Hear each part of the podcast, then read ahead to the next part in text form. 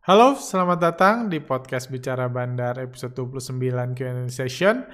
Dalam sesi tanya jawab ini saya akan menjawab pertanyaan-pertanyaan masuk terutama yang banyak di like di kolom komentar kami, di Instagram dan di berbagai tempat media sosial lainnya.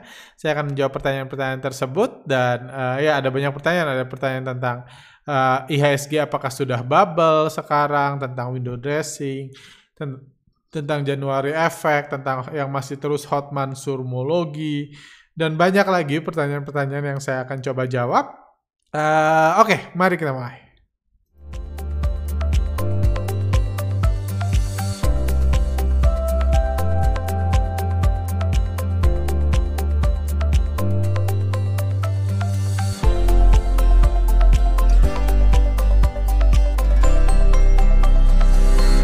Oke, okay, uh, eh, saya udah pasang timer 30 menit buat menjawab pertanyaan.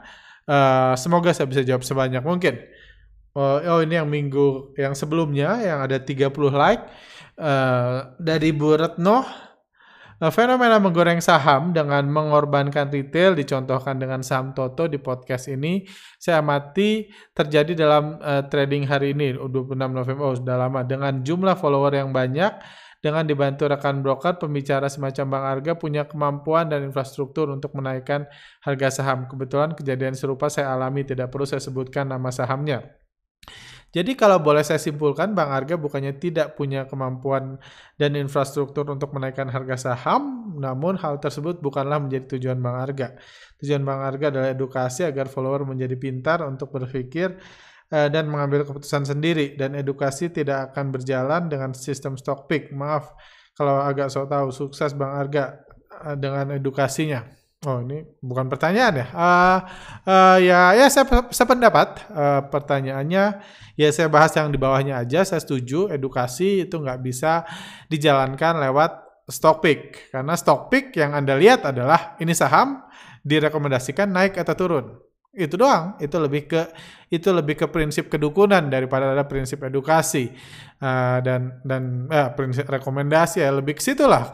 Kan datang ke dukun dibilang anda akan nikah tiga tahun lagi. Yang nggak ada yang bisa anda lakukan nggak ada yang bisa anda pelajari anda juga nggak bisa jadi dukun dengan dikasih tahu akan nikah tiga tahun lagi tinggal nunggu aja. Benar atau salah? Jadi saya setuju bahwa saya, ya itu prinsip yang saya pegang edukasi nggak bisa diadakan di stock pick. Bahkan uh, edu, uh, itu sebabnya uh, di Indonesia adanya menteri uh, pendidikan bukan menteri rekomendasi kan. Pak Nadim kan jadi menteri pendidikan bukan menteri rekomendasi.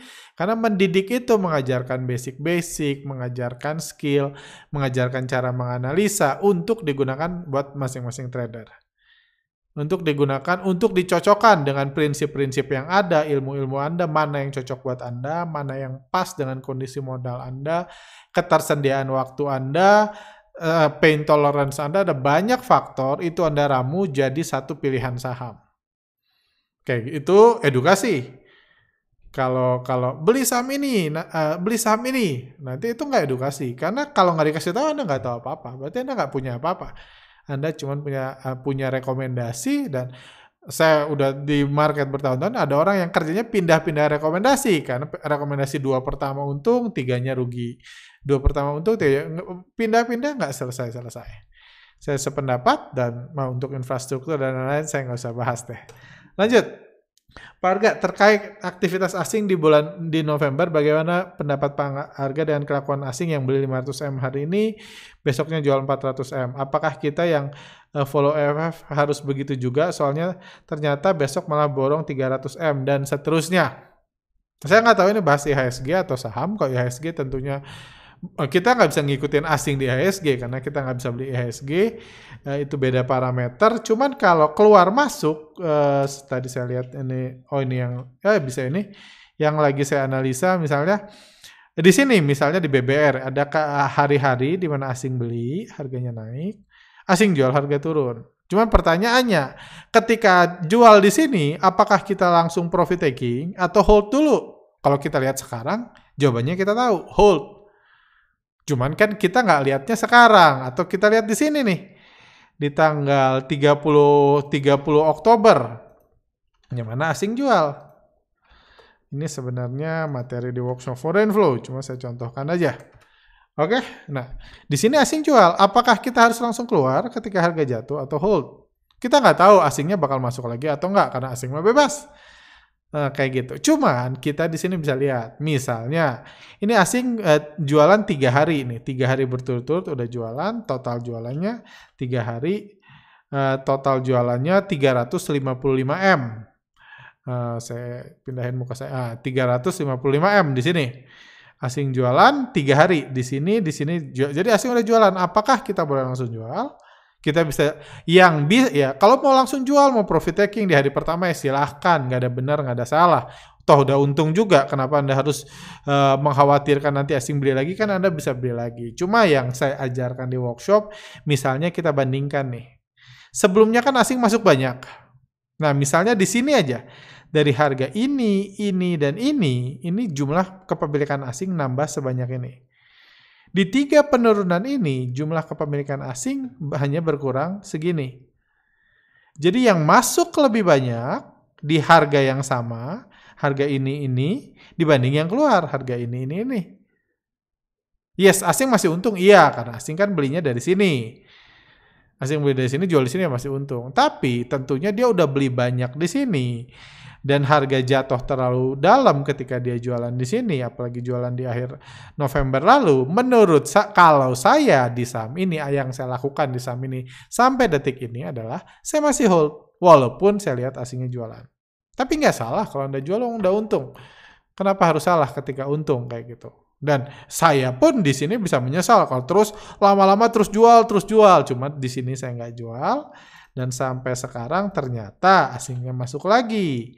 Kayak gitu aja sih simpelnya. Ketika asing masuk lagi ya saya hold lagi. Harga naik lagi. Nanti kalau mulai jualan satu dua hari ya saya belum jual juga karena saya pertama punya di average bawah. Kedua ya oh, saya lihat dulu penjualannya seberapa banyak. Apakah eh, harganya jatuh terlalu cepat atau enggak ketika penjualannya sedikit seperti ini. Kurang lebih kayak gitu sih sebenarnya. Nggak harus uh, ini. Nah, ketika asing masuk lagi ya hold lagi. Tapi nggak ada benar nggak ada yang salah karena kita di sini eh, yang diajarkan di ilmu foreign adalah Anda belajar mengikuti asing, melihat kebiasaannya gitu. Ya kalau Anda punya duit kayak asing, setiap beli Anda beli, setiap jual Anda jual, Anda pun akan untung kalau di saham-saham yang di bandara asing. Kayak gitu. Cuma kan nggak semua kita punya privilege itu. Saya pribadi nggak punya privilege itu gitu. Nah, dua hampir sebulan terakhir berarti saya nggak ngapa-ngapain di BBRI, saya diemin aja. Nggak beli lagi ketika asing beli kayak gitu. Nggak jual juga kayak gitu. Seperti itu. Oke lanjut. Uh, oh ini. Jadi keluar masuk ada bisa bandingkan dengan inflow outflow sebelumnya. Lanjut. Bang Arga kalau bursa saham uh, hanya naik karena banyak uang yang dimasukkan ke bursa saham dan bukan karena perbaikan ekonomi, apakah artinya bursa saham dunia saat ini sedang bubble? berarti kenaikannya ini akan sangat berbahaya dan terus kalau terus berlangsung dan akan menyebabkan market crash. Bagaimana pendapat Bang Arga? Salam. Sepertinya ini yang bertanya akademisi sepertinya. Jadi tentang market bubble. Uh, gimana ya? Yes, definisi market bubble adalah kenaikan bursa saham yang yang tidak disertai dengan kenaikan kinerja ekonomi atau kenaikan laba perusahaan. Itu definisi market. Kalau ada kalaunya, kalau di ujung market crash. Karena market bisa bubble 3 tahun. Sebelum dihancurkan sama bandar, market akan terus bubble. Kalau di misalnya kasus besarnya di Amerika pernah ada perusahaan abal-abal harganya naik ribuan persen. Kalau ngomong market bubble, ketika naik 100% pun dibilang bubble. Perusahaannya Enron, Anda ada dokumenterinya juga Anda bisa googling. Anda bisa googling, ada perusahaan digoreng-goreng, perusahaan abal-abal, ada dokumenterinya, bagus Anda bisa belajar lebih ini, perusahaan abal-abal digoreng-goreng, dari 100% itu udah bisa dibilang bubble kan. 300% bisa dibilang bubble. 1000% dibilang bubble. Tapi pertanyaan, ya kalau ngomong bubble terus dari 100 sampai 1000 ada nggak dapat duit apa-apa ya nggak apa-apa. Kalau anda akademisi ya tulis aja ini fenomena, anda komentator saham. Cuma kalau di, dari sisi pergerakan harga, harganya masih terus naik. Karena masih terus digoreng-goreng, bandarnya belum keluar. At one point ketika dana pensiun semua masuk, uh, retail-retail masuk, dibilang perusahaan terbaik di Amerika dan lain-lain, ada dokumenterinya, Anda bisa tonton. Ketika semua orang masuk, direksinya keluar, baru dihancurkan. Jadi bubble hanya layak dibilang bubble setelah dihancurkan. Setelah bandar-bandarnya ngerasa puas, dihancurkan, dan gak dinaikin lagi. Enron akhirnya delisting hancur perusahaannya. Kayak gitu. Nah, sekarang udah nggak ada lagi Enron. Dulu salah satu perusahaan abal-abal terbesar di Amerika Serikat. Kayak gitu. Perusahaannya sih nggak gede, cuman market cap-nya gede. Dan ribuan atau ratusan ribu orang kehilangan uangnya di saham itu.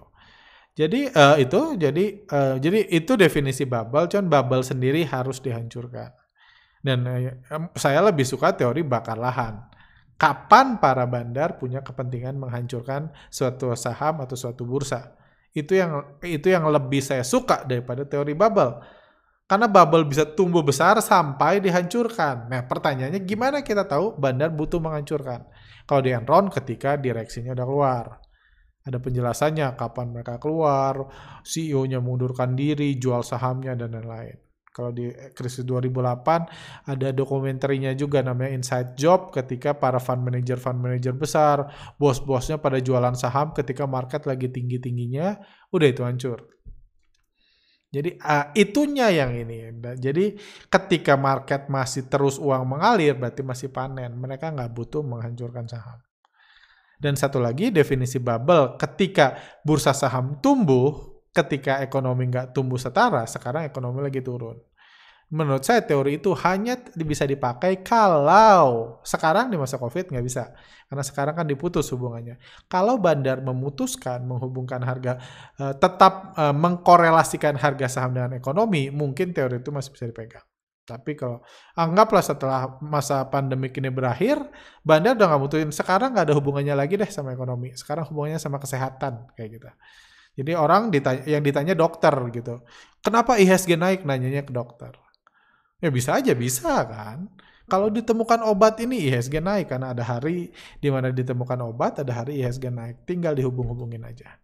Seperti itu. Jadi nggak harus ya uh, yang ya, ekonomi uh, bursa saham kan memang kayak gitu, kayak gitu dari dulu juga. Jadi kalau anda mau bilang bubble ya silahkan kalau anda mau menghubung-hubungkan karena masih sesuai definisi. Cuman bubble itu nggak nggak otomatis hancur karena orang nggak otomatis panik. Kepanikan di bursa saham itu harus dibuat.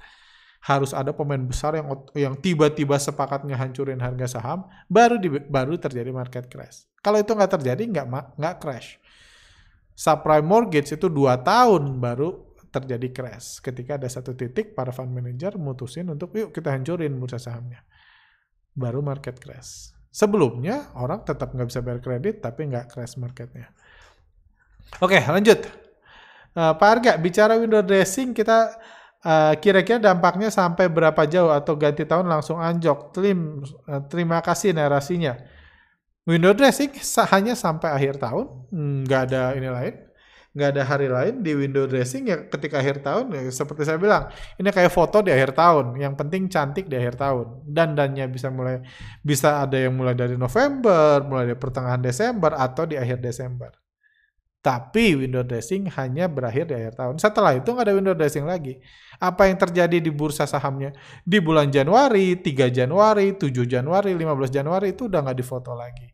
Jadi nggak ada kepentingan lagi. Apakah langsung anjlok atau enggak ya kembali lagi seperti saya bilang kan di video window dressing sebelum di sebelumnya window dressing dibilang di bulan Desember asing mah nggak uh, bisa dibilang asing mah nggak bebas. Tapi di bulan Januari bebas lagi. Kalau mau dihancurin ya hancurin. Mau hari pertama Januari, mau diterbangin Januari itu udah kebebasan asing. Apakah selama ini Pak Arga, apakah selama menggunakan selama Pak Arga menggunakan ilmu bandarmologi selalu untung ya enggak lah. Uh, ya enggak, saya enggak seuntung karena apa ya? Menurut saya kalau Anda mau selalu untung gampang, jangan pernah cut loss kayak gitu. Anda kalau dengar-dengar orang jualan stock pick, jualan uh, rekomendasi berbayar, jualan sistem trading, Anda selalu digomong win rate, win rate-nya berapa? 10 kali trading berapa kali cuan? Pertanyaan sederhananya, 10 trading berapa kali cuan itu dihitungnya kapan? Kalau masa bullish gini mungkin kita 10 kali trading 10 kali cuan. Di masa sideways berapa? Kan ngomong win rate kayak gitu kan. Win rate bisa dipilih sama yang jualannya. Pas bagus-bagusnya dibilang ini. Atau win rate yang blue chip doang bisa dipilih. Itu nggak ada auditnya yang ngomong win rate. Dan kalau mau win rate gam, bagus, gampang. Saya kenal trader banyak bahkan cukup banyak trader yang yang nggak pernah rugi. Win rate-nya 100%. Dia cuma beli saham, jual selalu untung. Tapi akhirnya kapok trading karena nyangkut semua. Karena nggak ada cut loss. Jadi win rate itu gampang banget dipermainkan. Jadi tujuan ilmu bandarmologi adalah buat memaksimalkan profit. Buat trading lebih nyaman, buat trading ngikutin bandar. Kalau ada bandar akumulasi, ada hold atau buy. Tujuannya buat itu, bukan supaya nggak rugi. Kayak gitu. Kurang lebih kayak gitu. Karena win rate 100% gampang, nggak usah cut loss, win rate Anda 100%, nggak usah ikut workshop. Nggak usah belajar ilmu apa-apa kayak gitu. Tapi belum tentu Anda sukses. Bisa-bisa Anda kapok trading kayak banyak trader yang ujungnya nyangkut semua karena win rate-nya harus 100%. Harus untung dulu baru dijual. Jimmy 0. Selamat malam Pak Arga. Saya setuju dengan konsep bahwa jika bandar atau asing buy, mereka harga naik, kalau bandar sell, harga turun. Bagaimana dengan BBCA uh, dan BBRI memang secara fundamental baik. Bukankah fundamental perusahaan juga merupakan barometer kenapa bandar asing melakukan pembelian? Bukankah foreign flow yang uh, berarti bukan foreign flow aja yang penting, tapi fundamental perusahaan sangat penting. Bagaimana pendapat Anda? Yang nggak ada hubungan sih sebenarnya. Uh, apa ya? Pertama, kalau BBCA kita tahu, anggaplah BBCA fundamentalnya sangat-sangat baik. Apakah asing nggak boleh jualan di saham itu? Apakah kalau labanya meningkat asing nggak boleh profit taking? Kan nggak, nggak ada hubungan kayak gitu. Mungkin ada hubungannya ketika dulu, ketika misalnya asing memutuskan untuk yuk kita bandarin BBRI, yuk kita kuasain sahamnya karena ini perusahaan bagus, prospeknya bagus, kita ini. Cuman ini ngomong mungkin 15 tahun yang lalu di masa IPO BBRI. Sekarang udah nggak ada urusan, mereka udah punya banyak BBRI, mau jual mereka bisa, mau beli mereka bisa. Mereka ke sini untuk cari untung, bukan buat main ekonomi-ekonomian. Kalau laba turun berarti kita harus jualan waduh BBR ini agak sepi nih eh, cabangnya yang di Jakarta. Oh berarti kita harus beli. Kan nggak harus kayak gitu. Nggak udah nggak ada urusan. Mereka udah punya banyak, fundamentalnya udah bagus, udah selesai di situ. Udah nggak ada lagi hubungan kinerja perusahaan dengan keputusan asing. Mau laba perusahaannya bagus, ini waktunya kita hancurkan. Boleh, boleh. Oh, saham mereka udah banyak. Jadi keputusan untuk fundamental bagus atau jelek itu keputusan dulu yang udah nggak ada hubungan lagi sama sekarang. Kayak gitu. Jadi menurut saya nggak ini lagi jadi keputusan dia beli jual kecuali ada hal-hal sangat besar. Misalnya perusahaannya akan bangkrut nih akan ditutup atau akan apa mungkin mereka memut wah kalau kayak gini atau mungkin itu yang terjadi misalnya di saham Telkom gitu kenapa tiga tahun terakhir gitu sebelum diakumulasi di November lalu kenapa tiga tahun lalu mereka jual Telkom mungkin ada hal-hal tertentu yang ada hubungannya sama fundamental Mungkin. Mungkin juga dia simpel, aduh nggak suka lagi gue Telkom, gue jual aja mumpung laku, itu juga mungkin. Kita hanya bisa berandai-andai, tetap asing yang memutuskan. Jadi menurut saya, kinerja perusahaan itu nggak usah dikorelasikan. Nggak ada hubungannya dengan pergerakan asing, kecuali kita paksa hubung-hubungkan.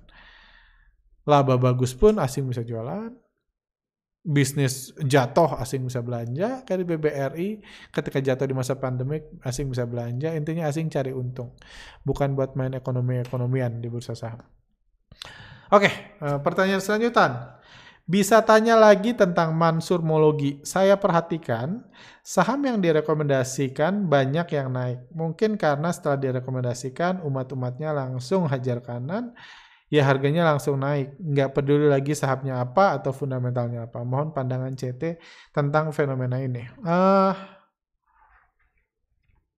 gimana ya? Pertama yes, ini berarti Bapak ini sudah teredukasi bahwa hubungan pergerakan harga saham nggak harus ada fundamentalnya apa dan lain-lain. Selama uh, di pom-pom, orang PD, orang hajar kanan, atau orang mau beli di harga mahal ya naik. Kayak kayak apa uh, apa uh, janda bolong dan lain-lain nggak harus ada hubungannya sama kualitas dari tanamannya itulah dunia investasi uh, kayak gitu cuman pertama uh, pertanyaannya apakah ini karena direkomendasikan umat-umatnya langsung harga hajar kanan uh, harga langsung naik? Menurut saya sih nggak bisa kayak gitu. Uh, nggak kayak gitu. Contohnya yang saya ikutin. Uh, ini saya ingat karena minggu lalu saya, saya lupa hari apa ya. Kalau nggak salah itu hari Rabu atau Kamis selalu Anda siap googling jadi atuan poin Pak Ustadz Mansur merekomendasikan saham KF. Waktu itu saya udah punya saham KF karena kita tahu ini udah kasus yang udah dibahas juga di Telegram bahwa uh, ada potensi pesta akhir tahun di saham-saham ibu kos. Itu saya bahas jauh sebelum Ustadz Mansur mengatakan dan saham ibu kos jadi saham pilihan. Bahkan di workshop bandarmologi akhir November lalu uh, November lalu pun ada yang uh, ini banyak yang nanya, kira-kira akhir tahun ini bakal ada pesta ibu kos lagi nggak? Kayak kuartal 3 kan mau penutupan untuk kinerja window dressing. Saya bilang saya nggak tahu kayak gitu, saya nggak tahu, mungkin iya, mungkin enggak.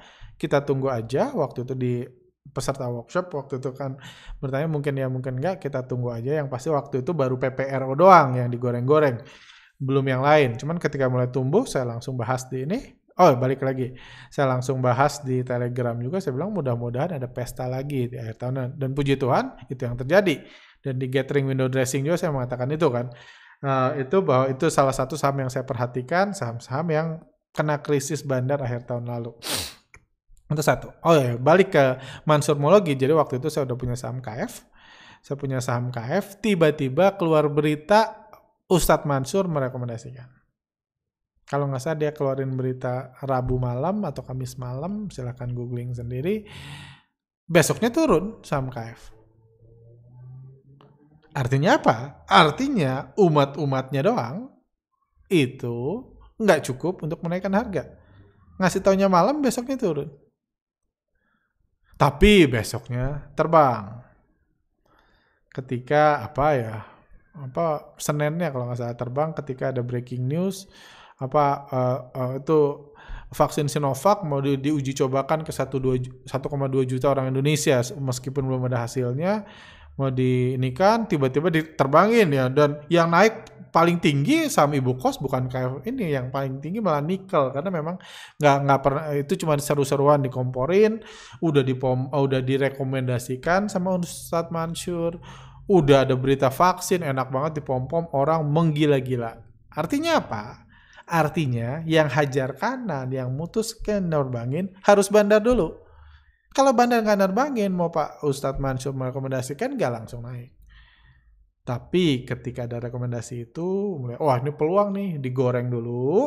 Biasa kan langsung loncat tinggi di awal-awal di atas retail yang beli. Yuk kita kasih ke retail. Besoknya bisa digituin lagi bentar, retail yang beli. Terakhir eh, kemarin, oh di atas jual terus dibanting. Yang nerbangin, yang mutusin pergerakan harga itu harus bandar. Karena butuh dana besar yang bergerak searah di waktu yang sama untuk nerbangin harga. Kalau retail-retail doang biasanya cuma berharap. Cuma mikir, bener nggak ya Pak Ustadz kali ini? Bener ya? Bener nggak? Bener nggak? Gitu. Kayak gitu sampai ada kekuatan besar yang menaikkan harga dan di atas barulah mereka yang percaya bisa beli. Nah, itu yang saya saya inilah yang saya yang saya tangkap kayak gitu misalnya saham kasus saham KF nggak semua langsung naik berarti nggak bisa kita anggap uh, umat-umatnya langsung hajar kanan. Ya itu pandangan saya sih kembali lagi. Saya nggak kenal dan nggak tahu sepak terjang Pastor uh, uh, uh, nggak tahu uh, sepak terjang Pak Ustadz Mansur di ini di apa uh, di bursa saham selain rekomendasi-rekomendasi dan yang jujur saya juga ikut karena saya senang banget kalau saya punya saham tiba-tiba dipromot karena berpotensi ke depannya digoreng. Tiba-tiba beliau mention saya sih happy banget kayak gitu. Jadi saya even saya sendiri karena banyak yang ini saya sendiri dengar tapi ya uh, alasan beli jual saya nggak dikaitkan sama itu. Cuman saya senang kalau udah punya dan direkomendasikan. Uh, Pak Sandy Gunawan, Pak Arga mau tanya, kalau uh, di asing kita bisa lihat dari foreign flow, untuk bandar lokal gimana lihatnya? Bandar lokal lihatnya broker summary. Uh, ya saya eh, broker summary saya jarang tampilkan di sini karena uh, jarang menganalisa pakai saya hanya di podcast hanya pakai foreign flow karena gampang analisanya anda nggak butuh basic knowledge untuk ini cuma Kapan-kapan mungkin di akhir tahun saya buat uh, apa cara sederhana menganalisa broker summary kita buat video khusus aja. analisa broker summary untuk bandar lokal, bandar asing pun bisa sih, cuman nggak pakai sistem foreign flow tapi analisa broker summary. Harga, saya cukup bingung mendeteksi saham yang tiba-tiba arah. Misalkan saham IRA atau ASRI yang tadinya sideways tiba-tiba naik tajam. Bagaimana cara kita mendeteksi lonjakan seperti itu atau untuk saham seperti itu memang beradu sabar aja. Dan bagaimana manajemen yang baik untuk kita bisa bermain saham kategori third liner atau gorengan. Terima kasih. Hmm, aduh, yang yang pertama agak susah ya uh, nggak ada cara pendek untuk menjelaskan pertanyaan pertama. Untuk mendeteksi IRA asri, yang pasti saya pun nggak nggak semua saham saya bisa punya sebelum harga sahamnya terbang kayak gitu. Bahkan ya Nah, di saham-saham yang untung nggak semua saya. Kadang-kadang saya udah punya seminggu, sebulan, bahkan dua bulan kayak Aisyah gitu udah hampir dua bulan saya punya nggak diapa-apain baru terbang kayak gitu. Jadi nggak semua kita bisa masuk hari sebelumnya sebelum bandarnya nerbangin karena bandarnya juga nggak akan ngasih tahu anda. Saya akan terbangin besok retail retail masuk di bawah ya. Nanti di atas saya terbangin anda boleh profit taking kan nggak gitu gitu. Bandar tugasnya bukan bagi-bagi duit ke retail. Itu kayak gitu jadi agak susah jawab yang pertama cuma yang kedua bagaimana money management yang baik untuk kita bisa bermain saham kategori terliner ataupun gorengan. Uh, jadi gini, mungkin uh, apa ya? Ini yang diajarin di workshop money management. Jadi uh, sering kali orang punya limit kerugian. Itu yang saya bahas di uh, video tentang pain tolerance. Punya limit kerugian yang sanggup dia cut loss. Misalnya limit kerugiannya saya kalau ini misalnya sederhana ya, saya kalau udah rugi 5 juta udah nggak sanggup saya cut loss. Karena bagi saya 5 juta itu terlalu banyak, saya berat banget harus cut loss uang sebanyak itu. Jadi ujungnya kalau udah turun sampai 5 juta, saya akan pasrah aja, nanti juga naik. Pasrah itu jelas udah bukan strategi yang kita ini kan.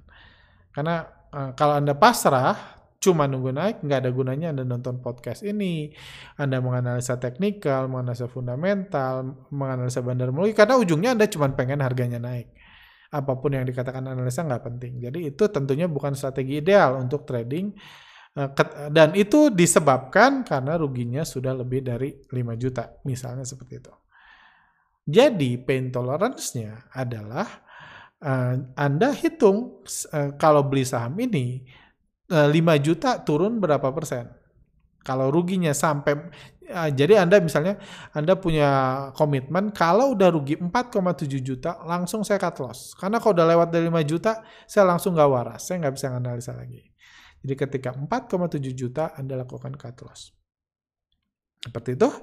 Uh, jadi Anda tinggal hitung 4,7 juta itu berapa persen kalau di saham gorengan.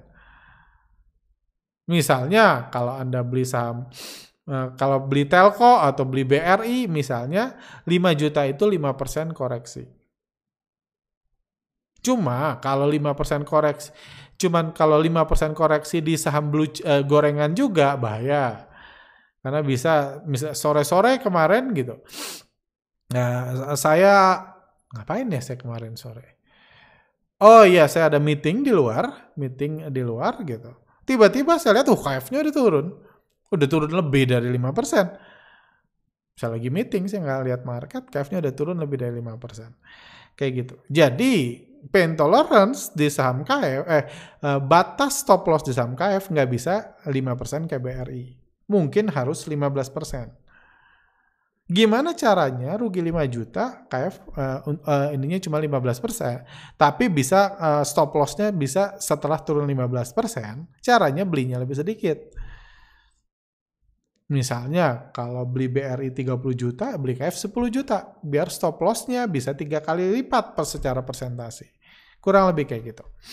Itu money management-nya. Semoga bisa dipahami. Udah habis waktu saya. Aduh, ini panjang lagi. Saya punya pertanyaan untuk Pak Arga. Mohon dima dimasukkan ke podcast selanjutnya. Tiga bulan ini saya dapat cuan cukup lumayan dari bursa saham. Sekarang saya bingung, cuannya harus diambil atau ha harus top up. Oke, sekilas sekilas kondisi saya saat ini Usaha saya masih belum bisa jalan dengan normal, omset turun 70%. Saat ini tabungan masih ada buat kebutuhan sehari-hari, tapi 3-4 bulan lagi akan habis kalau usaha saya masih seperti sekarang. Mohon nama saya ditutup kalau dijawab di podcast. Oh, sudah sudah ditutup kan? Oke. Okay? Nah, by the way, makasih untuk ilmu dan MMD yang diberikan di workshop Bandar Molgi. Tiga bulan ini saya bisa memaksimalkan profit karena tools tersebut. Nggak langsung keluar ketika cuan padahal bandarnya masih akumulasi. Oke, okay, uh, eh, oke, okay. uh, thank you. Saya coba jawab. Pertanyaan-pertanyaan paling susah pertanyaan kali gini berhubungan dengan nasib hidup orang. uh, gimana ya? Nah, saya enggak. Gimana saya? Habis lagi waktu saya. Uh, ya tiga bulan ini cuan ya puji Tuhan dapat cuan top. Saya nggak tahu nggak dijelaskan berapa banyak, cuma saya anggap ini. Kalau saya lihat dalam kondisi kayak gini, kita ngomong timeline. Timeline bulan Desember seperti kita prediksi sama-sama IHSG mudah-mudahan terus bagus sampai akhir tahun. Timeline lain uh, bulan Januari asing mah bebas lagi kan uh, secara historis nggak ada tuh uh, setiap Januari akan selalu naik dan lain-lain itu nggak ada nggak ada hak asing bisa ngebanting bisa nerbangin. Jadi kita ke masa semakin kritis di bulan Januari Februari Maret apalagi kalau vaksinnya vaksinnya oh, vaksin uji coba vaksinnya berhasil Sinovac dan mungkin orang-orang mulai berani keluar lagi secara perlahan dan orang nggak masukin bursa. Itu resiko di mungkin 3-4 bulan ke depan sesuai dengan timeline uh, kebutuhan sehari-hari dari bapak atau ibu ini yang mungkin 3-4 bulan lagi habis. Kayak gitu, jadi kalau saran saya, ini bukan waktunya top up. Ini waktunya memaksimalkan yang ada, kalau mau nunggu sampai akhir Desember mungkin masih bisa. Udah itu waktunya Anda ambil uang Anda. Karena mentor saya pernah bilang eh, sesuatu yang saya ingat terus dan saya sering banget omongin. Dia bilang beda, saya nggak tahu podcast sebelumnya jangan saya udah ngomong gitu karena saya suka banget nasihatnya. Dia bilang bedanya trader profesional sama trader amatir adalah trader newbie lah nggak usah amatir. Trader yang berpengalaman dengan trader amatir dia bilang kalau trader berpengalaman kalau market lagi bullish-bullishnya dia jualan saham beli mobil ketika lagi di puncak-puncaknya dia jualan sahamnya, dia beli mobil. Kalau trader newbie, dia jualan mobilnya, beli saham. Itu yang buat sering kali newbie bangkrut. Karena awalnya dia icip-icip, masuk sejuta, kok naik ya jadi satu setengah. Masuk tiga juta, oh naik ya. Di satu sisi harganya terus naik kalau bandar beli di bawah pun dia udah semakin atas semakin untung dan dia bisa profit taking kapan aja, bisa ngebanting kapan aja semakin dia untung. Orang semakin top up, bandar ngeliat wah demandnya semakin gede ya di atas bisa dia guyur. Jadi itu ini. Jadi saya pribadi kalau market udah bullish ini udah hampir tiga bulan kalau Desember ini bullish naik lagi banyak sampai akhirnya udah tiga bulan naik banyak. Menurut saya ini bukan waktunya top up kalau gaya saya saya pribadi bahkan bulan awal Desember ini sebagian uang saya, sebagian profit saya, saya punya kebiasaan bagian profit saya keluarin ke sektorial. Ya. Ke, ke, keluarin kebetulan ada salah satu orang ini butuh finance, uh, uh, salah satu bisnis finance dia butuh funding, saya masukin. Saya bilang wah, saya masukin buat funding finance, bisnis finance dia mumpung-mumpung kan orang ngeluarin ini ngeluarin uang dari sektorial masukin ke bursa saham saya keluarin dari bursa saham masukin ke sektorial biar lebih balance lah kayak gitu. Karena ya market bullish saya nanti mungkin kalau marketnya jatuh lagi saya masukin lagi. Kayak gitu profitnya. Seperti itu. Jadi itu pendapat saya saran saya sih keluarin aja waktunya udah habis pun uh, uh, keluarin aja sebagian. At least kan jadi 3-4 bulan syukur bisa jadi 6-7 bulan gitu. Jadi mungkin bisnisnya juga omsetnya aman kayak gitu. Jadi ya, ya mungkin saya orangnya terlalu safe. Cuma itu nasihat saya keluarin aja sebagian profitnya. Ingat tujuan Anda trading saham ada bukan cuma buat tektok main-main putar-putaran saham duit saham duit di bursa saham. Tujuan Anda cari untung. Untung yang real, yang udah masuk ke rekening Anda, kalau bisa udah beliin mobil, dijadiin bisnis, eh, dan lain-lain. Menurut saya itu. Bukan untuk diputerin. Hari ini 10, besok 11 juta, besok 9, besok 12, besok 15, 13 itu bukan uang. Itu cuma seru-seruan Anda di bursa saham, adu pintar Anda. Hasilnya adalah di sektor real Anda. Hasilnya kayak gitu. Kalau saya, nah gitu aja. Pak Jokowi uh, pernah mau Pak Jokowi pernah minta tidak ada goreng menggoreng saham, tapi BOJK mungkin sudah lupa. ya istilahnya jangan dibilang menggoreng lah kalau KF enough dan lain-lain istilahnya aset recovery aja. Kalau menggoreng kesannya kasar gitu. Kalau OJK bilang aset recovery, harga sahamnya dipulihkan. Sama sama digoreng gitu, cuma dipulihkan kan lebih cantik. Cuma susah dimengerti aja. Gimana cara memulihkan harga saham? Kayak gitu. Ya dinaikin kan, digoreng, dipromot, dipom-pom. Kayak gitu. Uh, Pak Arga mau tanya, mungkinkah kalau saya lama ini liburan sih, saya ini Mung, uh, mungkinkah untuk membuat sebuah aplikasi screening saham pribadi berdasarkan bandarmologi untuk saham yang di bandari lokal, uh, data-data ya apa yang kira-kira bisa jadi acuan? Ambillah data broker summary sebanyak mungkin itu uh, yang dipakai buat screening uh, ini uh, screening bandarmologi. Seperti itu. Saya juga penasaran. Uh, gimana cara Pak uh, Pak Arga screening saham? Secara manual atau otomatis kah? Semoga pertanyaannya dijawab. Oke. Okay. Saya punya banyak screening otomatis. Ya, karena ya kami itu kan di riset kita punya banyak screening. Misalnya saya pengen saham yang diakumulasi BK, KZ, CS, RX ini tiga bulan terakhir saya bisa cari. Kayak gitu. Kalau mau ngomong itu saya bisa cari dengan cepat. Atau saham yang diakumulasi asing tujuh kali dalam 15 hari terakhir bisa. Atau saham yang diakumulasi bandar-bandar yang broker-broker yang banyak dibeli oleh uh, uh, yang banyak dipakai oleh ibu kos bisa kayak bisa kayak gitu cuman ya itu paling 40 sampai 50% proses saya dan meskipun udah di screening uh, udah di screening misalnya muncul 15 saham biasanya saya balik ke saham itu-itu lagi karena saya punya confidence, punya latar belakang, keyakinan di sejumlah saham, jadi itu lagi yang beli. Kayak gitu. Datanya dari data broker summary, data foreign flow itu yang saya screening. Gitu kali ya. Jadi semi manual, semi otomatis. Saya nggak fully otomatis, sistem ngasih apa, saya langsung hajar kanan, tutup mata langsung beli, nggak. Karena saya, saya sangat, sistem itu saya yang buat. Harusnya saya lebih pintar dari sistem itu. Saya yang buat, saya buat if-nya, saya buat codingnya, saya buat itunya, prinsipnya lah, codingnya yang buat tim IT. Saya yang buat prinsip-prinsipnya, saya ngerasa lebih pintar dari itu. Cuman sistem itu dipakai nge-screening dari 600 jadi 9. Dari 9 itu saya pilih sesuai dengan banyak mungkin feeling sebagian, mungkin pengalaman, mungkin analisa saya yang saya pakai lebih dalam yang nggak bisa dilihat di screening saham. Kurang lebih gitu. Jadi 50-50 lah. Terakhir mungkin ya, uh, Bang Arga mau tanya, tukang pom-pom itu apakah bisa masuk pelanggaran pasar modal cornering? Thank you videonya by the way. Hmm, cornering nggak tahu sih, saya bukan ahli hukum, setahu saya sih nggak kayak gitu, karena uh, nggak tahu.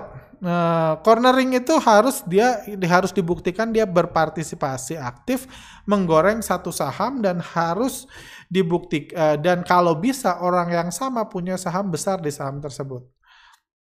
Cornering itu bukan sesuatu yang mudah dibuktikan. Saya pernah ngobrol sama bagian pengawasan transaksi di OJK itu nggak mudah dibuktikan. Apalagi kita ya, kalau bandar kan better pakai akun-akun nomine, akun-akun orang orang-orang yang ya, dia eh, ini orang-orang fiktif lah, orang-orang fiktif, orang mungkin mungkin di pasar saya ngundang 100 orang suruh buka akun, akunnya saya pakai kayak gitu dan itu pun kalau ada nama saya di akun yang dipakai ngegoreng. Kalau nggak ada nama saya, nama saya nggak disebut sama sekali di situ.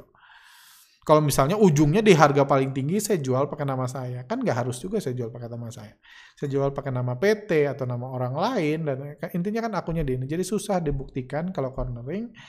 Kalau tukang pom pom mungkin bukan cornering, cuman saya pernah saya nggak tahu dia serius atau enggak ngomong sama orang latar belakang hukum dia bilang orang yang ngasih rekomendasi harga jual harga jual di tinggi ngepom-pom orang dan buat dia nyangkut ujungnya karena percaya ini mau ke 3000 saya beli di 1200 padahal bulan lalu harganya misalnya di tiga, eh, di 500 gitu. Akhirnya nyangkut misalnya turun balik ke 300 orang yang menjanjikan harga bagus eh, ngepom-pom sesuatu itu itu katanya bisa eh, diinikan diproseskan Cuma ya tentunya kalau niat banget sih, menurut saya sih nggak fair kayak gitu. Anda tahu itu tukang pom pom ya, indar Anda memanfaatkan momentum saham itu atau Anda jauhi. Menurut saya kurang fair orang yang kerjanya ngepom pom, buat target tinggi-tinggi, buat orang semakin kalap beli di harga semakin mahal, sebelum dihancurkan menurut saya nggak fair itu dihukum kayak gitu. Cuma katanya sih kalau ada orang hukum di sini bisa ngasih komentar. Setahu saya orang yang kasarnya memberikan janji palsu mengatakan harga saham ini mau dinaikin ke tinggi oleh para korbannya yang bisa membuktikan diri sebagai korbannya itu bisa dituntut. Walaupun dia ngomong disclaimer on katanya ya uh, ya saya ya cuma saya sampaikan aja. Uh, orang dari dari ini saya orang di hukum yang ngomong kayak gitu. Cuma huk, pasal apa ini saya nggak tahu. Kalau ada orang hukum bisa ditambahkan cuman kalau dihubungkan ke pasal cornering pelanggaran cornering itu repot banget. Karena saya tahu pembuktiannya susah. Mendingan di uh, ininya bukan itu aja Pak Arga, apakah benar ada penyelamatan sama Sabri dan Jiwasraya dengan menaikkan harga saham-saham tersebut sampai harga eh, di harga mereka nyangkut contoh SMBR, PRO, Fire, Thanks. Ya ini ini udah bahasan dari ketika awal heboh-heboh vaksin KF Inaf pun ini udah saya katakan ya memang itu yang terjadi. Nggak ada hubungannya sama vaksin. Oh, itu dulu lah mungkin ya ini Mansur mau lagi lagi. Oke, itu aja mungkin buat eh, hari ini thank you buat rekan-rekan. Untuk pertanyaannya bagus-bagus. Semoga anda bisa belajar something dari podcast ini. Kalau anda punya pertanyaan lain silahkan ditulis di bawah. Uh, silahkan uh, kalau ada uh, ya ditulis di bawah. Kalau pertanyaan anda banyak like seperti di sini ada 10 like ada 11 like 30 like di sini uh, Anda uh, akan saya jawab pertanyaannya, sisanya pertanyaan-pertanyaan yang menurut kami, menurut tim kami menarik itu juga akan dijawab untuk Q&A selanjutnya atau podcast-podcast selanjutnya. Seperti itu.